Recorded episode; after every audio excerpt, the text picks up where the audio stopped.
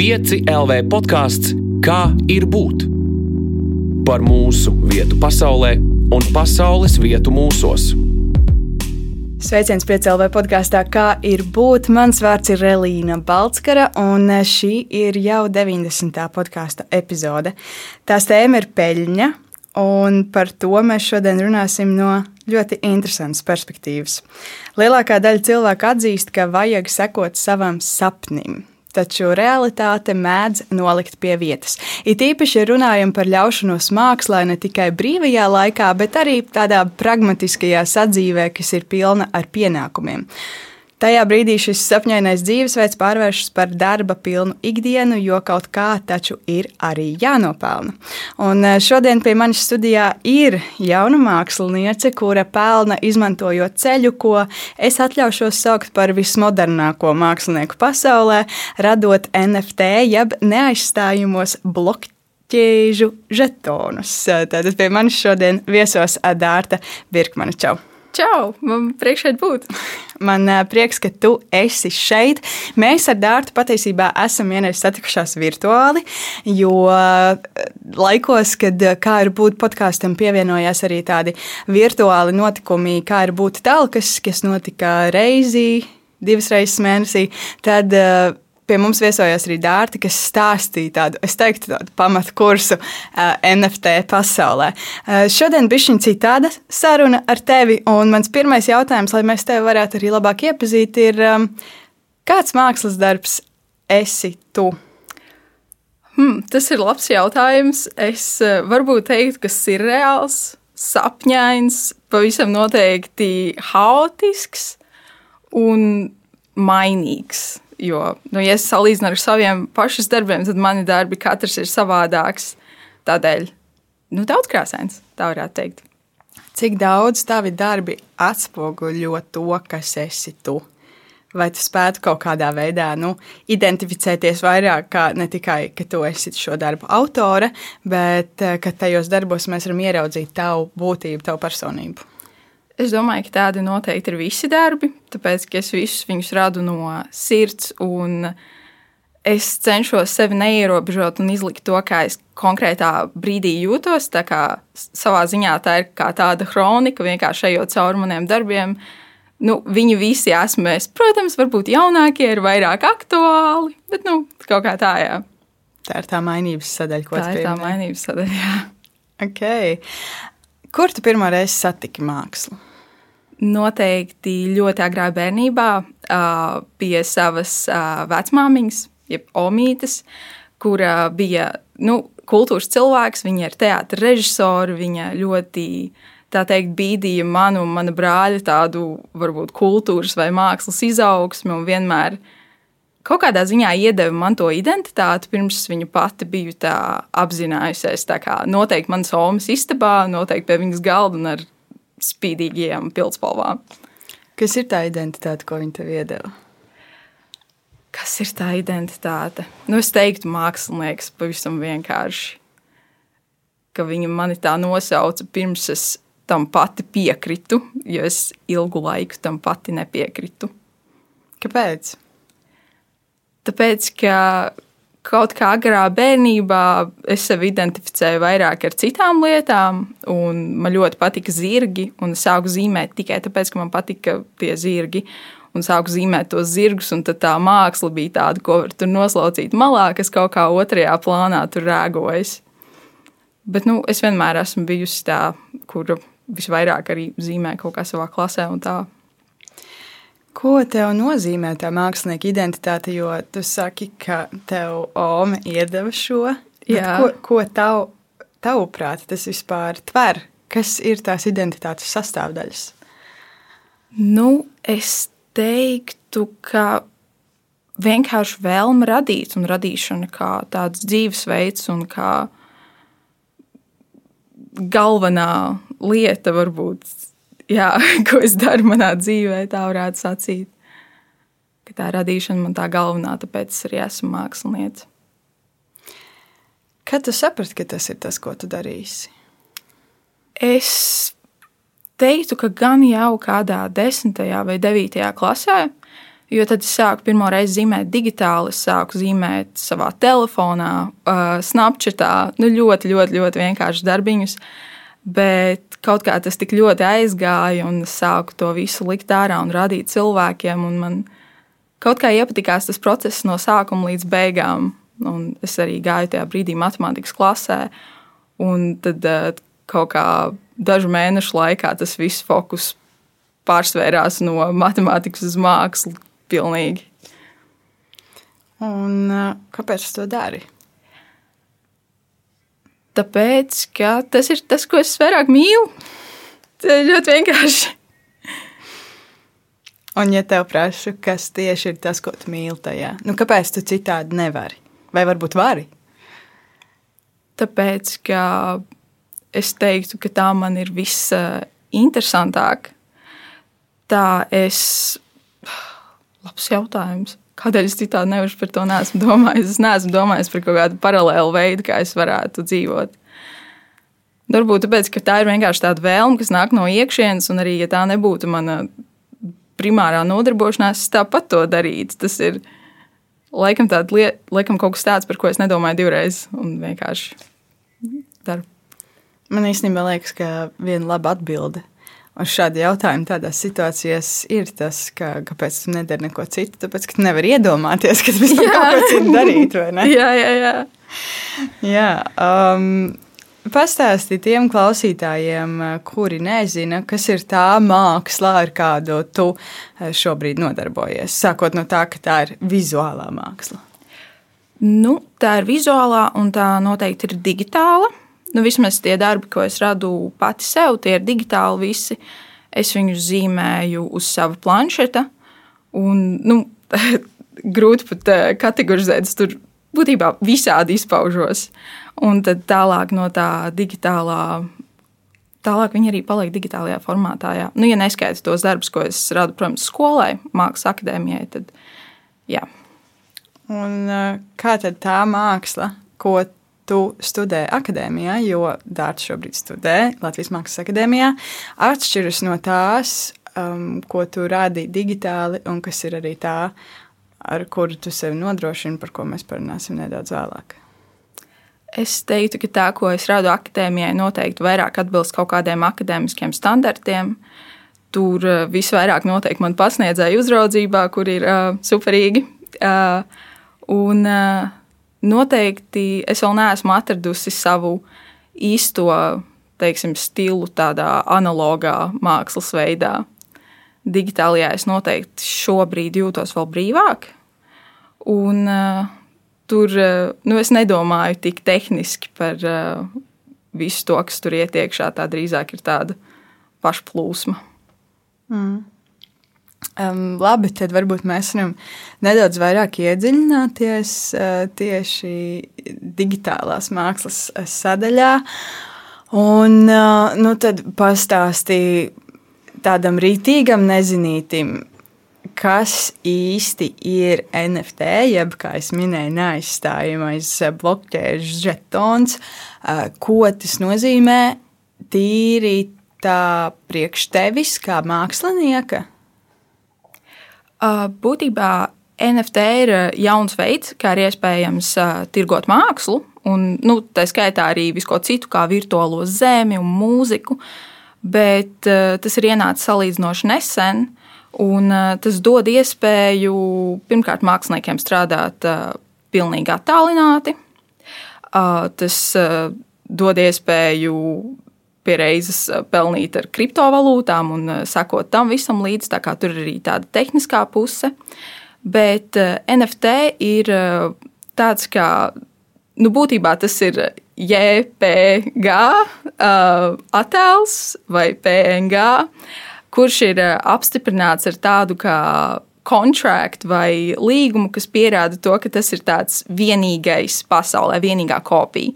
Tad, lai cik cilvēki gribētu nākt un, teiksim, screenshotot šo bildi no mana Instagrama, tam NFT var būt tikai viens uh, saimnieks, jo tas uh, nu, ir apstiprināts blokķēdē un tā informācija eksistē un kaut kādā veidā tiek atzīta par nu, esošu.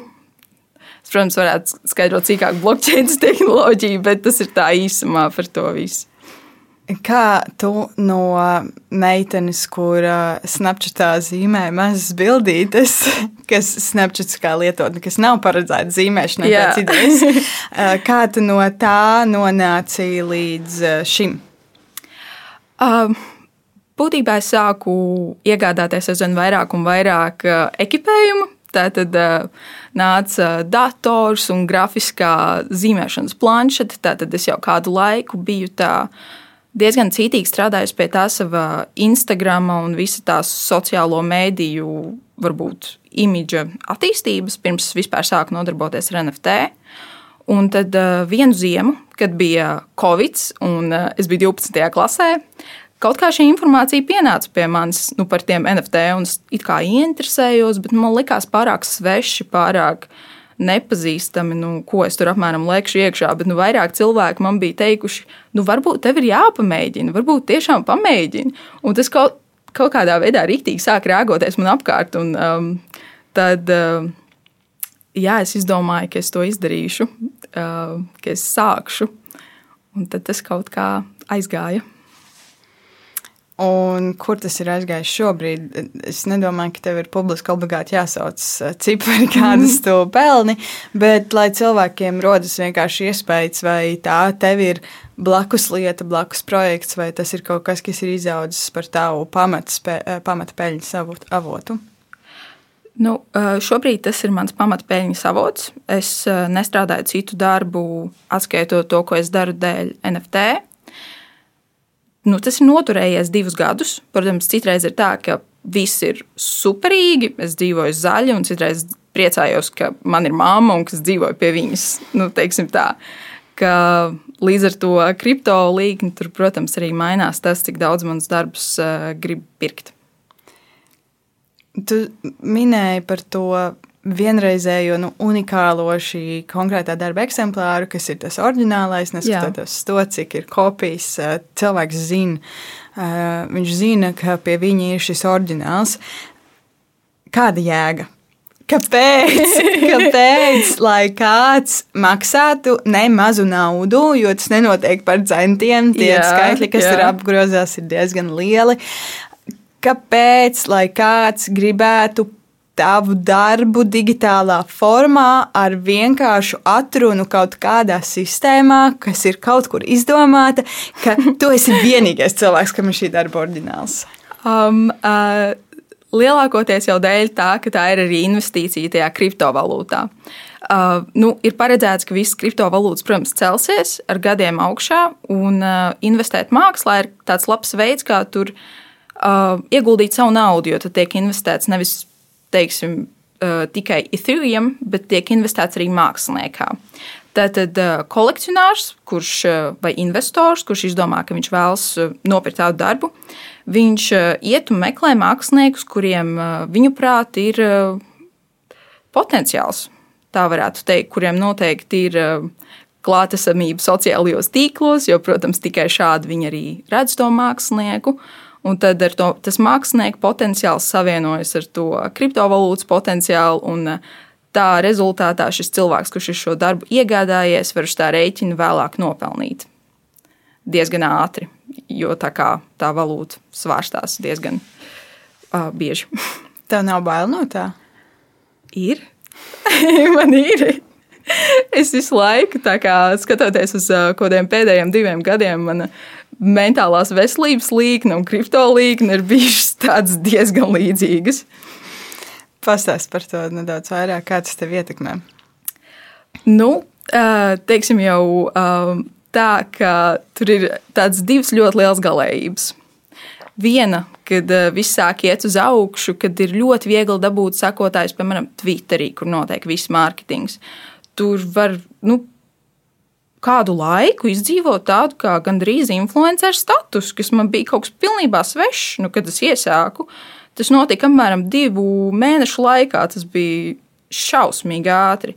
Līdz ko viņi krītās, tad atkal uh, nu, ir jāskrien pakaļ tiem pircējiem, visu laiku tur jābūt, tur um, jāreklamē kā trakam. Tā, kā, uh, jā, tā noteikti nav tāda stabila pozīcija, un, ja ir kaut kādi plāni nākotnē, ko es vēlos darīt, nu, es nekad nevaru būt pārliecināta, ka es to tiešām varēšu.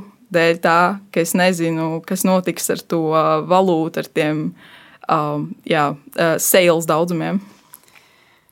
Kā tu domā, cik daudz šajā mākslas lauciņā, kas ir ļoti specifisks, ir uh, reāli māksla radīt tieši šo mākslas darbu, un cik daudz tur ir māksla pārdot?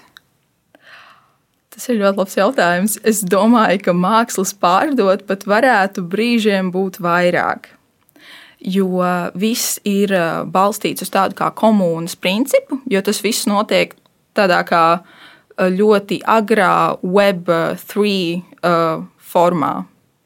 Tā ir tā vide.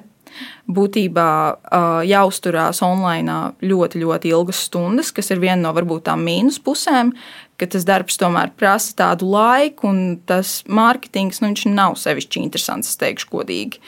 Nu, protams, kā kuru dienu, bet uh, lielākoties ir jāpalīdz saviem draugiem vai sabiedrotajiem šērot un laikot viņu darbi, un viņi atgriezniski dara man to pašu. Tad būtībā kāds, kurš visu laiku ir online, varbūt pat pārdot varētu labāk savus darbus nekā kāds, kuram ir skaisti darbi, bet kurš ieiet tur reizi dienā uz 20 minūtēm. Kā tev šķiet, ko šis uh, savdabīgais procentu salikums liecina par šo pasauli?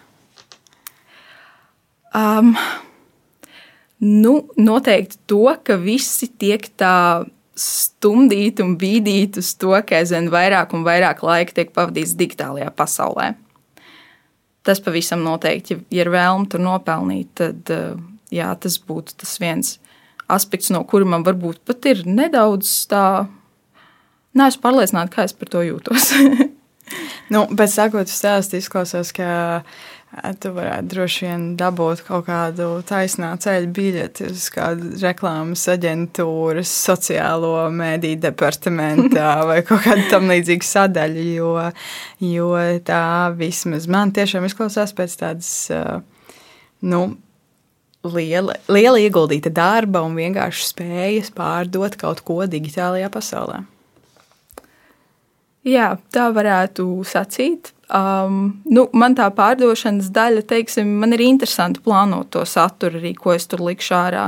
Bet, nu, protams, ka liela daļa no tā ir arī tāda kā veiksmes spēle, jo es jau nekad nevaru paredzēt, kāds būs tas algoritms, piemēram, un es varu ielikt, uh, piemēram, Twitterī. Nu, viņš ir ļoti neparedzams, es varu ielikt brīnišķīgu postu. Uh, vai kaut ko, par ko es būtu pārliecināta, kas normālā laikā aizies, bet eh, vienkārši laiki nesakrīt un tā neaiziet. Nu, tā arī mēdz notikt. Tā kā tur ir tāds gamblings, varētu teikt, diezgan lielā mērā. Tu minēji, ka pirms tu sāki um, pelnīt ar NFT, un pirms vispār izmēģināji šo pasauli, tu vienkārši liki savu mākslu Instagram, kas arī Jā. ir uh, vēl viena būtiska sadaļa. Um, kas ir aktuāli arī mākslinieku pasaulē, nu, vai tev tas ir jādara. Un visticamāk, ka mūsdienās ir īpaši, ja tu gribi pelnīt naudu, tas ir jādara. Līdz ar to mans jautājums tev, kādu tu vispār redzi mākslinieka vietu mūsdienu pasaulē, un kas vispār ir būt māksliniekam, kā pilnlaika māksliniekam, tā varētu teikt, kurš nevis to dara kā blakus lietu, bet ar kuru viņš identificējas un ar kuru viņš arī pelna savu iztiku? Nu, es teiktu, ka mūsdienu mākslinieks noteikti ir online satura radītājs, kas nav viens un tas pats, bet es teiktu, ka ļoti bieži ir jāatgādina par savu eksistenci. Visu laiku ir jābūt sasniedzamam, ir jābūt pieejamam. Ir ļoti labi jāpārzina visas šīs digitālās lietas, jābūt uh, Jā, bieži online. bieži online un jāspēj jebkas savā dzīvē, pārtai, jebko savā dzīvē jāspēj pārtaisīt par saturu. Tad, ja es esmu kaut kādā vietā un daru kaut ko, man jau galvā ir doma, kādā veidā šis var kļūt par manu saturu, un kādā veidā šis var runāt par mākslu, par to, ko es daru. Vai Tev nav bail, ka tas ir tikai tāds īslaicīgs burbulis. Tur runāja par tām svārstībām, Jā. bet skatoties to visu kopumā, jo viens no māksliniekiem, kurš ir visvairāk naudas sapelnījis ar NFT, izmantojot mākslas izsoļu kompāniju Kristīs, ir Maiks Vinkelmans. People? Viņš, jā, viņš jā. pats ir sacījis, ka viņam tas liekas tāds absolūti irracionāls burbulis kas ir vienkārši uzpūsts, kas eh, vienā brīdī pārsprāgs, un viņš to izmanto, protams, savā labā. Jā, jā, jā. Bet viņš tam netic. Un kā ir ar tevi? Vai tu tam tici, vai tu arī vienkārši, kā jauna mākslinieca, redzi iespēju un to izmanto? Es teiktu, ka šobrīd es redzu iespēju un to izmantoju. Es noteikti censos noturēties līdz eh, pašam pēdējiem, tur darot to. Uh, bet nu, tā nākotne ir diezgan neparedzama. Es ticu, ka NFT tehnoloģija tiks izmantota vēl turpmāk, jo, uh, nu, ja jau mēs pavadīsim aizvien vairāk un vairāk laika šajā digitālajā pasaulē, nu, mums radīsies vajadzība pēc īpašuma, mums radīsies vajadzība pēc tā, ka mums tur kaut kas pieder. No tāda viedokļa man šķiet tas diezgan loģiski. Bet, nu, protams, pēdējā laikā NFT nav bijis uh, mainstream uh, ziņās. Um, kas uh, nepalīdz. Un, uh, protams, ka cilvēku daudzums, kas ir tagad, ir krietni, krietni mazāks nekā cilvēku daudzums, kas bija 2021. gadā, tur uh, mārtā, februārī. Tādēļ um, jautājums ir, vai Ethereum un citas valūtas kāps vai nē, jo tagad jau visi turās tā nedaudz uz uh, salmiņiem, bet nu, ir tādi, kas, uh, protams, uzrādās katru dienu un dara to. Kāda ir, sanāk? kāda ir tava alternatīva? Ko tu darīsi, ja šis beigsies? Uh, uh, šobrīd es cenšos nedomāt par alternatīvām. Tas labs mindsets tāds uh, prāta virziens noteikti. Es cenšos par to nedomāt, bet, ja man būtu jāsāk domāt, es droši vien tetovētu, jo es gribētu darīt kaut ko pēc iespējas tuvāk um, jā, tam, kas ir mana nodarbošanās, un es noteikti gribētu būt uh, pats sev priekšniece. Tādēļ tetovēšana. Tad uh, loģisks jautājums no manas puses, kāpēc Mākslas akadēmija? Jo tu radi digitālu mākslu, un tu šobrīd esi vietā, kas, lai vai nestabila, bet tomēr um, tu esi vietā, kas uh, tev spēja nodrošināt, tu esi jau to atradusi pirms tu uzsāki studijas. Un, Kāpēc tu izvēlējies aiziet šo klasiskās izglītības ceļu, akadēmiskas izglītības ceļu? Tāpēc, ka es uzskatu, ka tā jebkurā gadījumā ir pievienotā vērtība. Mācīties tur, tā ir iespēja arī iepazīties ar citiem cilvēkiem, citiem māksliniekiem, iekļauties tajā vidē. Un es gribu arī uzlabot savas tehniskās zināšanas, es gribu zināt vairāk teiksim, par mākslas vēsturi. Un es uzskatu, ka akadēmija kā tāda vispār ir nu, ļoti, ļoti vērtīga lieta. Un arī ļoti interesanti, ja ir jāizvēlās, kurš studēt, tad nu, tur tiešām ir ļoti uh, radoša un arī tāda brīvāka vide, kas man patīk. Jā, es esmu ļoti, ļoti, ļoti priecīga akadēmijā. Prieks par katru cilvēku, kurš priecājas par to, ko viņš dara.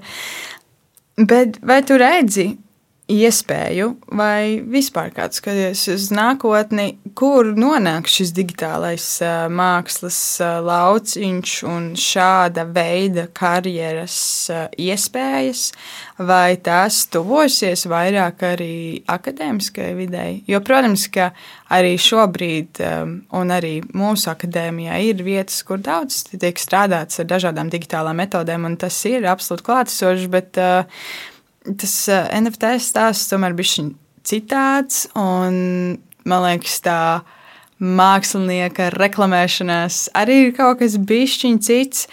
Kā tu redzi šo nākotnē, kur tas virzīsies, kur tas aizies? Nu, šobrīd, uh, jebkura NFT tēma, es uzskatu, akadēmija ir diezgan sveša. Es, protams, zinu pāris cilvēkus, kas ir kaut kā tam pieskārušies no tiem, kas tur studē, bet uh, nu, es neteiktu, ka visi ir informēti, un es neteiktu, ka visi grib baigt tajā lekt iekšā. Arī no uh, cilvēkiem, kas studē līdzi ar mani. Nu, protams, ir kaut kāda interese, bet uh, nu, jā, viņi redz, kā man ik pa laikam iet. ka nevienmēr ir spoži, nevienmēr ir skaisti. Un, uh, Bet es domāju, ka tas noteikti virzīsies uz to pusi. Jā. Um, jo uh, jaunas tehnoloģijas ienāk, un mēs visi ejam līdzi laikam. Un, ja jau tā ir kā iespēja nopelnīt, tad mākslinieki, kuri gribēs nopelnīt, jau izskatīs visas iespējas. Kaut kā tā, jā. Bet, nu, protams, uh, uh, analogā māksla arī nekur nepazudīs. Tas jau vienmēr arī būs. Mm. Cik uh, daudz tu domā par to, kas tev pieder analogajā pasaulē? Cik daudz man pieder analogijā pasaulē? Nē, cik daudz domā par to, kas tev pieder? Jo, mm. uh, acīm redzot, par digitālās pasaules īpašumiem tu domā daudz un dikti. Jā, uh, bet cik daudz domā par analogo? Nu, um, analogais noteikti joprojām ir svarīgāks krietni svarīgāks. Vienkārši es esmu tajā digitālajā vidē, kur tas man ir visu laiku apkārt. Bet uh, cilvēkam, kurš tajā nav iekšā, tas es uzskatu, vēl joprojām ir absolūti nesvarīgi. Uh, vai viņam kaut kas tur pieder vai nē, vismaz šajā momentā. Tas, protams, ir nākotnē perspektīva, bet uh, tā nav vajadzība. Um, un es tomēr teiktu, ka es. Uh, lietām, kas man pieder īstie, par lietām, kas man pieder īstajā dzīvē, tomēr vairāk domāju. Jo negribas tā pazust un izkūpēt kaut kādā ēteriskajā, digitālajā mākonī arī. Mm. Tā, jā. Jā, es īstenībā tikko iedomājos par to, cik tu esi dziļi tajā iekšā. Tev tā pilnīgi ir kā vēl viena realitāte, ja vienkārši liela daļa no tavas realitātes, un ir cilvēki, kur nav pat pieskārušies šai pasaulē, un viņi dzīvo pilnīgi, pilnīgi, pilnīgi citur. Jā, tas ir, tā, tas ir kaut kas ļoti interesants, ko apzināties, jo man tas tiešām šķiet tā ļoti loģiski un ļoti pašsaprotami, bet uh, bieži nu, nāks tādi momenti, ka man vajag pastāstīt kādam, ko es daru. Vai kādai omei, vai kādam kaut vai draugam. Vai... Jā, man mamma vēl joprojām nesaprot, ko es īsti daru. Arī pēc, nu, viņa apjauš, bet nu, viņa nezina to tik tā dziļi, varētu teikt. Jā. Un, ja mēs satiktos kaut kādā balītē, un, un tu man prasītu, ko es daru, es tev stāstītu, ah, es tur strādāju radio, un tur studēju, un ko. Un es tev prasītu, ko tu dari. Kas būtu tas tavs skaidrojums? Kā tu parasti iepazīstini ar savu nodarbošanos, savus līdzcilvēkus? Nu, es parasti pasaku kādu vienu teikumu, tirgoju savus digitālos darbus par kriptovalūtām. Un parasti ar to arī tas viss beidzās. Es Uh, parasti jā, neielaižos tādās garās sarunās, skaidrojot to visu. Ir, protams, cilvēki, kas to grib dzirdēt, bet uh, citreiz man ir tāda sajūta, ka, ja es to beigu sākšu, tad kāds to paņems un aizlaidīsies ar šo visu. Jā. Um, Kāpēc tāda sajūta? Nu, lai, varbūt tie, tie ir kaut kādi kompleksi. Es, par hmm, nu, par kaut kādu savu, varbūt, no, Nu jā, nu varbūt bailes tikt tā nesaprastam. Tā arī varētu sacīt, jā. Varbūt. Vai tev ir bail, ka cilvēki to kā, nu, neņem nopietni? Vai mākslas pasaulē tieši vai Nē, vispār? vispār? Ik pa laikam, iespējams, jā, kaut ko es tādu sajūtu, bet uh, Nu, ir arī uh, brīži, kas pierāda kā neteikt, ka ir tik ļoti drastiski. Jo nu, negadās bieži satikt tādus cilvēkus, kas nodarbojas ar to pašu, ko tu. Un es, neskatoties uz manām pārdomām par visu kripto pasauli un tā mhm. tālāk, man tas joprojām liekas absolūti fascinējoši. Un, un, un tas, ka tu esi tāds nu, sava ceļa gājējs, pati tur lauž to visu vaļā un centies iedzināties un saprast. Un acīm redzot, saprot ļoti daudz, tāpēc man liekas, pat apbrīnojami kaut kādā mērā. Bet, um, jā, es domāju, kas ir tās attieksmes, ar ko tu attiecies no citiem cilvēkiem, ko tu jūti. Ja reiz tu saki, ka tev ir kaut kāda tā baila tikt nesaprastai, mm -hmm. varbūt tu vari pastāstīt vairāk par to. Nu, lielākoties es teiktu, no citiem manu vecumu māksliniekiem jūtu interesi. Vienkārši tīru interesi, un varbūt uh, viņiem arī ir kaut kas, ko, ko par to pastāstīt. Bet uh, nu, vispār mākslas pasaulē, pret, uh, vai augstās mākslas pasaulē, pret NFT ir nedaudz tāda, es teiktu, nievājoša attieksme, jo tas vēl nav pilnībā integrējies. Tas tā ir eh, kaut kāda jauna lieta. Un, protams, ka uh, nu, savā ziņā tas jau ir tāds, tāda pretestība vai tāds ienaidnieks kaut kādai klasiskajai glaznošanai vai grafikai, kas man personīgi arī ļoti patīk, uh, mīlu, bet nu, tāda ir tā situācija. Bet, uh, Kā tu pati to redzi, vai tu uzskati, ka tas, ko tu dari, ir ienaidnieks, vai tev liekas, ka uz, uz tevi, nu, ja tagad būtu tāda mākslinieka balīta un viss tur tādi mm -hmm. klasiskie grafiki glaznotāji, uh, un tad ienāk dārta, vai viņi skatītos uz tevi kā uz nu, šīs pasaules grāvēju, un kāpēc varbūt viņiem ir bail no tā, ko tu dari? Labs jautājums. Es teiktu, ka kā kurš, jo ir cilvēki, kas ir tam ļoti atvērti, un ir cilvēki, kas to vēl skatās uh, skeptiski. Nu, nesmu vēl satikusi nevienu, kuram būtu nāves bailes par laimi. Tā kā tā gluži nav. Bet nu, tas ir kaut kas tāds, uz ko, man, manuprāt, uh, nenovēršami tā mākslas pasaules svērs. Un ir tādi, kas to pieņem, ir tādi, kas to vienkārši nepieņem. Vai tu šo darītu, ja tu varētu pārdot savus mākslas darbus citādi? Ja tu varētu joprojām nodarboties ar mākslu, bet tev nav jādarbojas ar NFT, bet tu joprojām ar to pelni, vai tu joprojām tāpat izvēlētos NFT pasauli?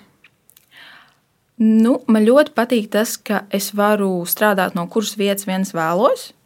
Man ļoti patīk tas, ka strādājot ar NFT, uh, man ir vajadzīgs ļoti maz ekipējuma, piemēram, tikai planšetdators, un es varu to darīt no jebkuras vietas. Es varu no rīta braukt, piemēram, vilcienā uz savu skolu un strādāt savā telefonā.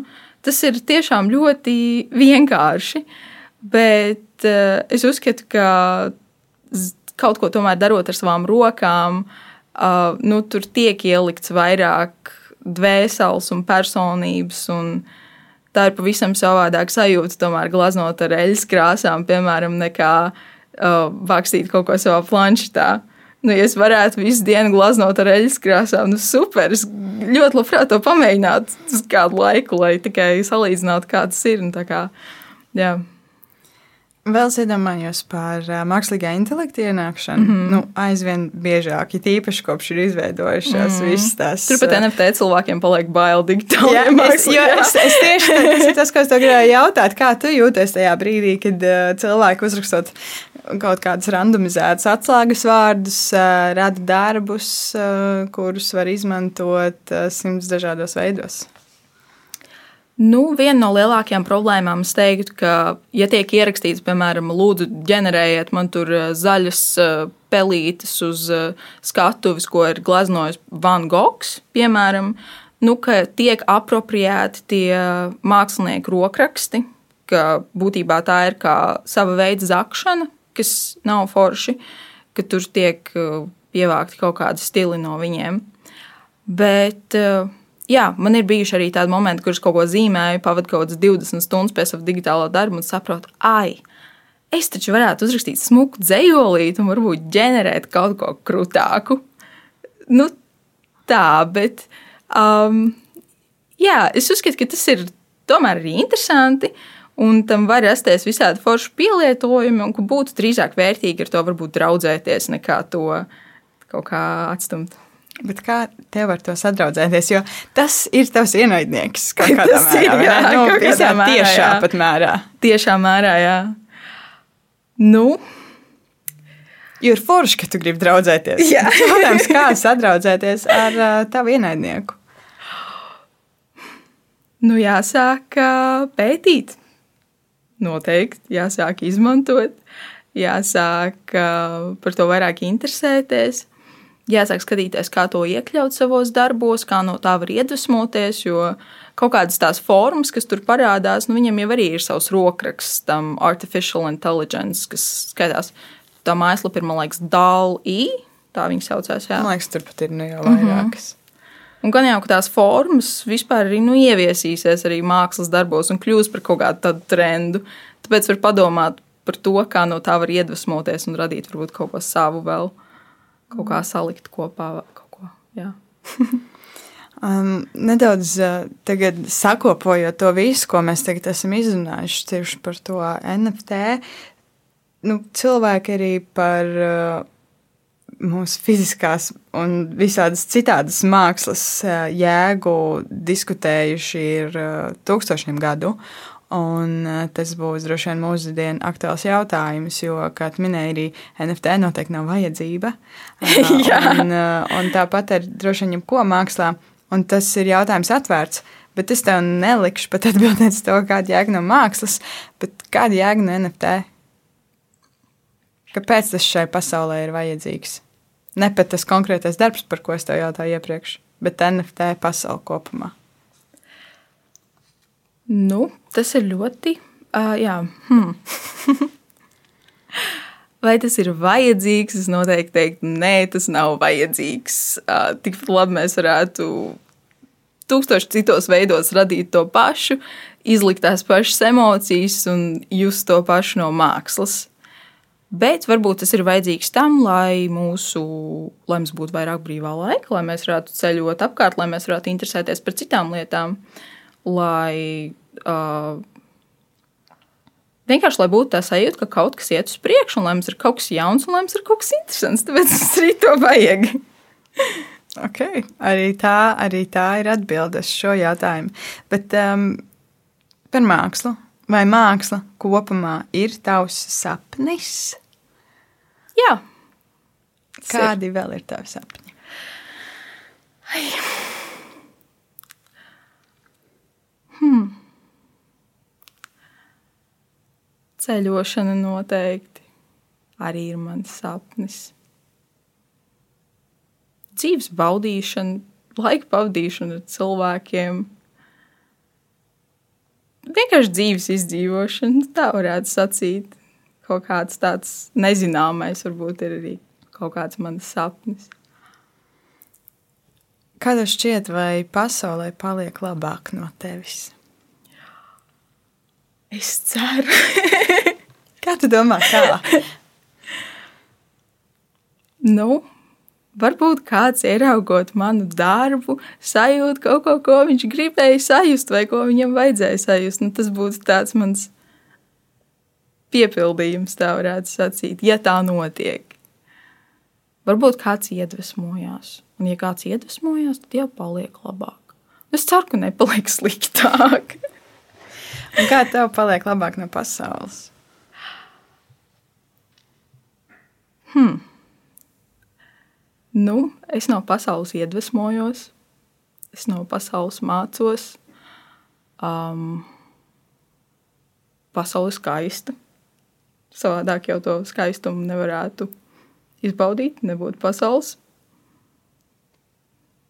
Nu, tad, kad es pieceļos un jūtos labi, es sapratu, ka man paliek labāk no pasaules. Kā tā, jā. Tu esi izvēlējusies, um, es atļaušos teikt, ka savdabīgu karjeras ceļu. Un, uh, pirmkārt, uh, drosmīgu arī, jo um, man liekas, ka izvēlēties uh, likt visus solis mākslas kaudzītē ir jebkurā gadījumā drosmīgs, um, drosmīgs solis. Un otrkārt, jā, savdabīgs, jo to ej lauciņā, kur daudzi nav gājuši. Kā tu teiktu, ko darīt tiem cilvēkiem, kuriem ir talants mākslā, bet eh, viņiem nav ticība, ka tā ir karjeras izvēle? Jo ir daudz, daudz cilvēki, kuri ir talantīgi, kuri kaut ko čubina kaut kur, bet uh, ikdienā pelna naudu ar pilnīgi citām lietām. Ko tu viņiem gribētu pateikt? Nu, noteikti, lai kas arī notiek, nepamest mākslu, jo tas, ka tam nevar veltīt savu visu laiku, nenozīmē, ka tas laiks, kas tiek tam veltīts, nav svarīgs un vajadzīgs. Un uh, ne visiem varbūt ir tā vajadzība pat iekšēji to darīt visu laiku. Nu, citi iegūst piepildījumu, darot to savādāk vai darot to vienkārši pa savam. Jā. Tādēļ kaut kādai tādai savai laimē vienkārši jāturpina to darīt, un tad, tad jau tās iespējas nāks, un galvenais arī dalīties ar citiem noteikti. Neturiet to pie sevis, jo viena no lielākajām tiešām problēmām, ko es redzu ļoti, ļoti talantīgos un superīgos cilvēkos, ir tajā, ka viņiem ir bail to likt ārā un to rādīt un par to runāt. Un es teiktu, ka galvenais ir to rādīt un par to runāt, un tad jau tās iespējas pašas atnāks. Tev nebija bail par to stāstīt un rādīt citiem. Noteikti, ka bija. Es vēl joprojām nu, neesmu pārliecināta, cik daudz man vajadzētu teiksim, stāstīt par saviem darbiem. Jo cik dziļi man vajadzētu par viņiem runāt, un uh, cik nopietni, nu, vai man vispār vajadzētu par viņiem runāt, vai darbs runā pats par sevi. Es šobrīd laikam esmu tādā dilemmā, varētu teikt par to. Bet, nu, protams, ka citreiz es uzrakstu kaut ko personīgāku un ielieku, un tad ir adrenalīns. kā tu kāp tam pāri tām bailēm? Bailēm pastāstīt par to, ko tu dari. Jo šis ir jautājums, kas, domāju, aktuāls ne tikai māksliniekiem. Es domāju, ka vienam cilvēkam, kurš, kurš kaut ko dara savā dzīvē, ir daudz, kur baidās stāstīt par to. Kā tu tiec tam pāri? Nu, laikam, ka jā, tam adrenalīnam ir jāiepatīkās, kaut kā jāmēģina pie viņa pierast un kaut kā jāmēģina tas process izbaudīt. Un tad nu, ar katru reizi ir jāuzdrošinās bišķiņu, bišķiņu vairāk. Nu, nu jā, nu nevar jau sevi visu vienu dienu izklāt un visu cilvēku priekšā. Tas tā nenotiek, tas ir šausmīgi grūti. Tāpēc, nu, laikam jāsāk pamazām, nedaudz, un tad jāsāk vairāk stāstīt, vairāk likt no sevis, vairāk atklāties, un tad tas tā notiek. Bet nu, nekad jau atkal nebūs pilnīgi atklājies, kas ir tā arī interesanti. Jā. Man patīk, ka tu pasaki šausmīgi grūti. Tāpēc, Jā. ka šīs sarunas laikā tu daudz stāsti par to, un tas izklausās tā patīkami viegli, un es to mm -hmm. saku labā nozīmē. Jā. Tas izklausās patīkami viegli, un tev viss forši, tev viss sanāk, un ir lieliski, un tad tu piemini šo šaus, briesmīgi grūti. Jā, briesmīgi grūti. Um, Kas vēl tev ir šajā bijis briesmīgi grūti? Jo beigu beigās uh, tas ir darbs, kas ir mm -hmm tās sadaļas, kuras tev šķiet vēl briesmīgi grūti šajā procesā? Nu, daudz. Noteikti daudz. Tikpat daudz, cik foršās ir arī tās grūtās lietas. Es teiktu, ka tas ir tādā perfektā balansā. Nu, noteikti tā neparedzamība, tas, ka es nezinu, kā būs, tas, ka es varu trīs mēnešus katru dienu ierasties, nu, labi, varbūt ne trīs, nu, divus katru dienu ierasties un neko nepārdot, un redzēt, kā citi cilvēki kaut ko pārdod, un ka ir vajadzīga tā pozitivitāte, un ka es nedrīkstu izlikt kaut kādu savu neapmierinātību vai kaut kādu savu sāpju online vidē. Nu, ja, ja mans darbs ir mārketings, tad kur tas tur iedarās? Um, jā, noteikti tas ir ļoti grūti. Vēl nu jā, par to varbūt stilu, par to mākslu, jo nu, NFT kolekcijās un cilvēki, kas teiksim, grib no manis kaut ko pirkt, viņi jau meklē kaut kādu firmas produktu būtībā. Viņi jau grib kādu darbu, pēc kura var pateikt, ka tā esmu es, un var uzreiz jau prātā iedomāties desmit citus manus darbus. Un tad piemēram, man kā jaunai māksliniecei ir ļoti liela vēlme eksperimentēt ar visu kaut ko. Un, uh, radīt tos darbus dažādus, bet tajā pašā laikā ir tas konflikts starp to, kas man patīk, kas man ir tūs un svarīgs, un kas pārdodas. Tā kā tas, tas arī ir viens tāds grūts jautājums, un es vienmēr izvēlos radīt to, kas man ir tuvs. Tāpēc nevienmēr viss pārdodas. Tā. Tas, laikam, arī svarīgi. Tā teikt, nepārdot vēseli, ja saglabāt Jā, jā, jā. sevi tur, kur tu esi, to, ko tu tajā, ko dari. Mm. Un tas nav viegli. Tas nav, jā. Nu, tas cit, citreiz jau es rādu kaut ko tādu, kas ir no sirds un kas visiem patīk. Tas vispār ir tik brīnišķīgi un tik skaisti. Bet nu, tā noteikti nav vienmēr. Un tas laikam ir tas uh, solis, kurā nu, tā tavā kaislīgā aizraušanās uh, vairs nav vienkārši darīšana tikai priekš sevis, bet uh, tas brīdis, kurā tu saproti, ka šis ir tavs darbs, tas ir tas, ar ko tu pelni. Jā, jā. tas ir. ā, Es teiktu, ka mākslā tas ļoti jaucās kopā, un ka man nav īsti robežas, kur beidzas darbs un kur sākas kaut kas cits, vai kaut kādas manas vēlmes, vai iegribas, vai izklaides. Tā kā es mūždien neesmu ne darba dienā, ne brīvdienā, man visu laiku ir kaut kas tāds pa vidu, es teiktu, jā. Bet kādas ir tās tavas dienas, kāda ir tā tava radošā rutīna, kas ļauj sevi uzturēt un finansiāli un reizē arī justies labi? Kādā ārtai? Nu, noteikti citreiz ir jāpiespiež sev paņemt brīvdienu, vienkārši neko nedarot. Jo es pieredzu to, ka man ir vainas sajūta par brīvdienām bieži vien, jo man viņas nav noteikts. Neviens man nesaka, cik daudz man ir jāstrādā vai nav jāstrādā. Bet nu, es cenšos no rītiem vairāk eh, padomāt par kaut kādu uh, tehnisko pusi, kaut ko tur uh, pareklamēt, kādus darbus ielikt. Un tad dienas vidū es parasti atpūšos, man tāda kā siesta.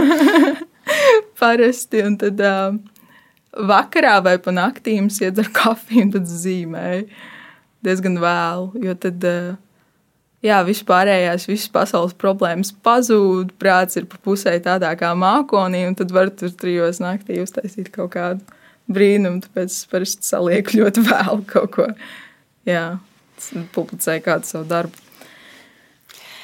Ko tu dari tajās situācijās, kad tev piemeklē, ja piemeklē tā saucamais radošais bloks, kad tev vienkārši kaut kas tev ir aizvēries, tas avotiņš, no kur tur nāk ārā tās idejas, tur ir viss vienkārši palicis savs tuksnesis, nekas nenāk ārā, vai tev ir kaut kādi veidi, metodes, kā tu centies viņu atkal dabūt tādu dzīvu un urdošu, lai to var radīt?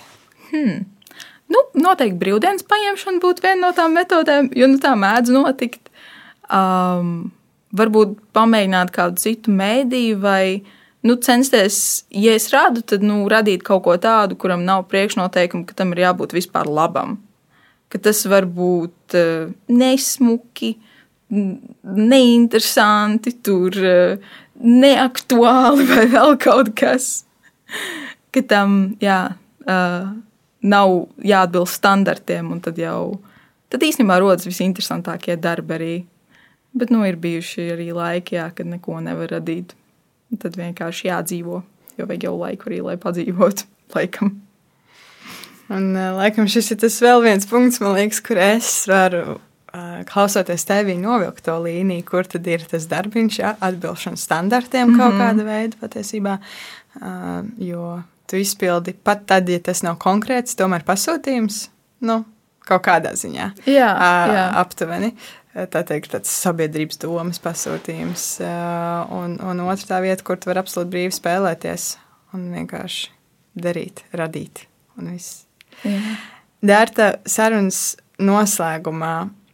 Ja tev tagad, man diemžēl nav tev ko planšetīt, ko iedot, bet tev telefons, tu man teici, ka tu zīmē arī telefonā. Um, kā tu uzzīmētu šo sarunu, ja tev būtu jāuzzīmē? Kā es uzzīmēju? Es noteikti uzzīmēju to zeltaino mikrofonu, kas tur stāv. jo Viņš ir ļoti, ļoti zeltains. Man ļoti patīk šī līnija, kāda jā, veido šis vats laikam. Mm -hmm. Un, nu, tas ir īstenībā ļoti neparedzami, jo tad, kad es sāktu, un tad, kad es pabeigtu, tikai tad es zinātu. Jo man tās domas un idejas jau radās procesā. Es nu, nekad nenāku ar ideju vai ar gatavu veidu, kā es gribu, lai tas ir pasaulē. Tas vienkārši kaut kā top. Nu, jā, nu tev šovakar tāds brīvs, dažas minūtes. Jā, jā. Um, pagaidi uzzīmēt šo sarunu. Jo mēs pēdējā laikā ar kāru būt esam iesākuši, es to saku, kolekcionēt ne tikai pieredzes, bet arī cilvēku rokrakstus, mm -hmm. palūdzot uzrakstīt uh, mazu gabaliņu savā rokrakstā no mūsu sarunas, no paša cilvēka sacītā.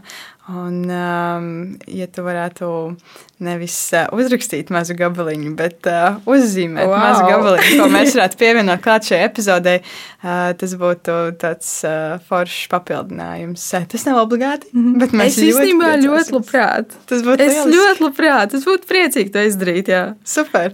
Uh, es domāju, gan es, gan kā arī būtu komanda, gan kā arī būtu klausītāji, ļoti priecāsies. Jā, es to, es to izdarīšu. Solījums no dārza ir saņemts. Paldies, tev, ka tu viesojies arī šodien šeit, šādā kā varbūt formātā. Man bija prieks viesoties. Paldies, ka uzaicinājāt. Paldies arī tev, ka tu klausījies. Um, šī bija epizode par uh, peļņu, par to, kā pelnīt, kā jauniem māksliniekam, ko vispār nozīmē sadalīt uh, savas radošās izpausmes uh, priekā un darbā Un visā pārējā ir vēl citas 89 epizodes, kas runā par eh, citām tēmām, kas eh, ir aktuālas un svarīgas šodien.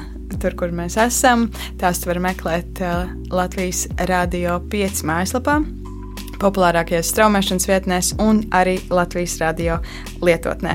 Bet uh, pagaidām es saku tā un tiekamies pēc nedēļas jaunā epizodē. Čau!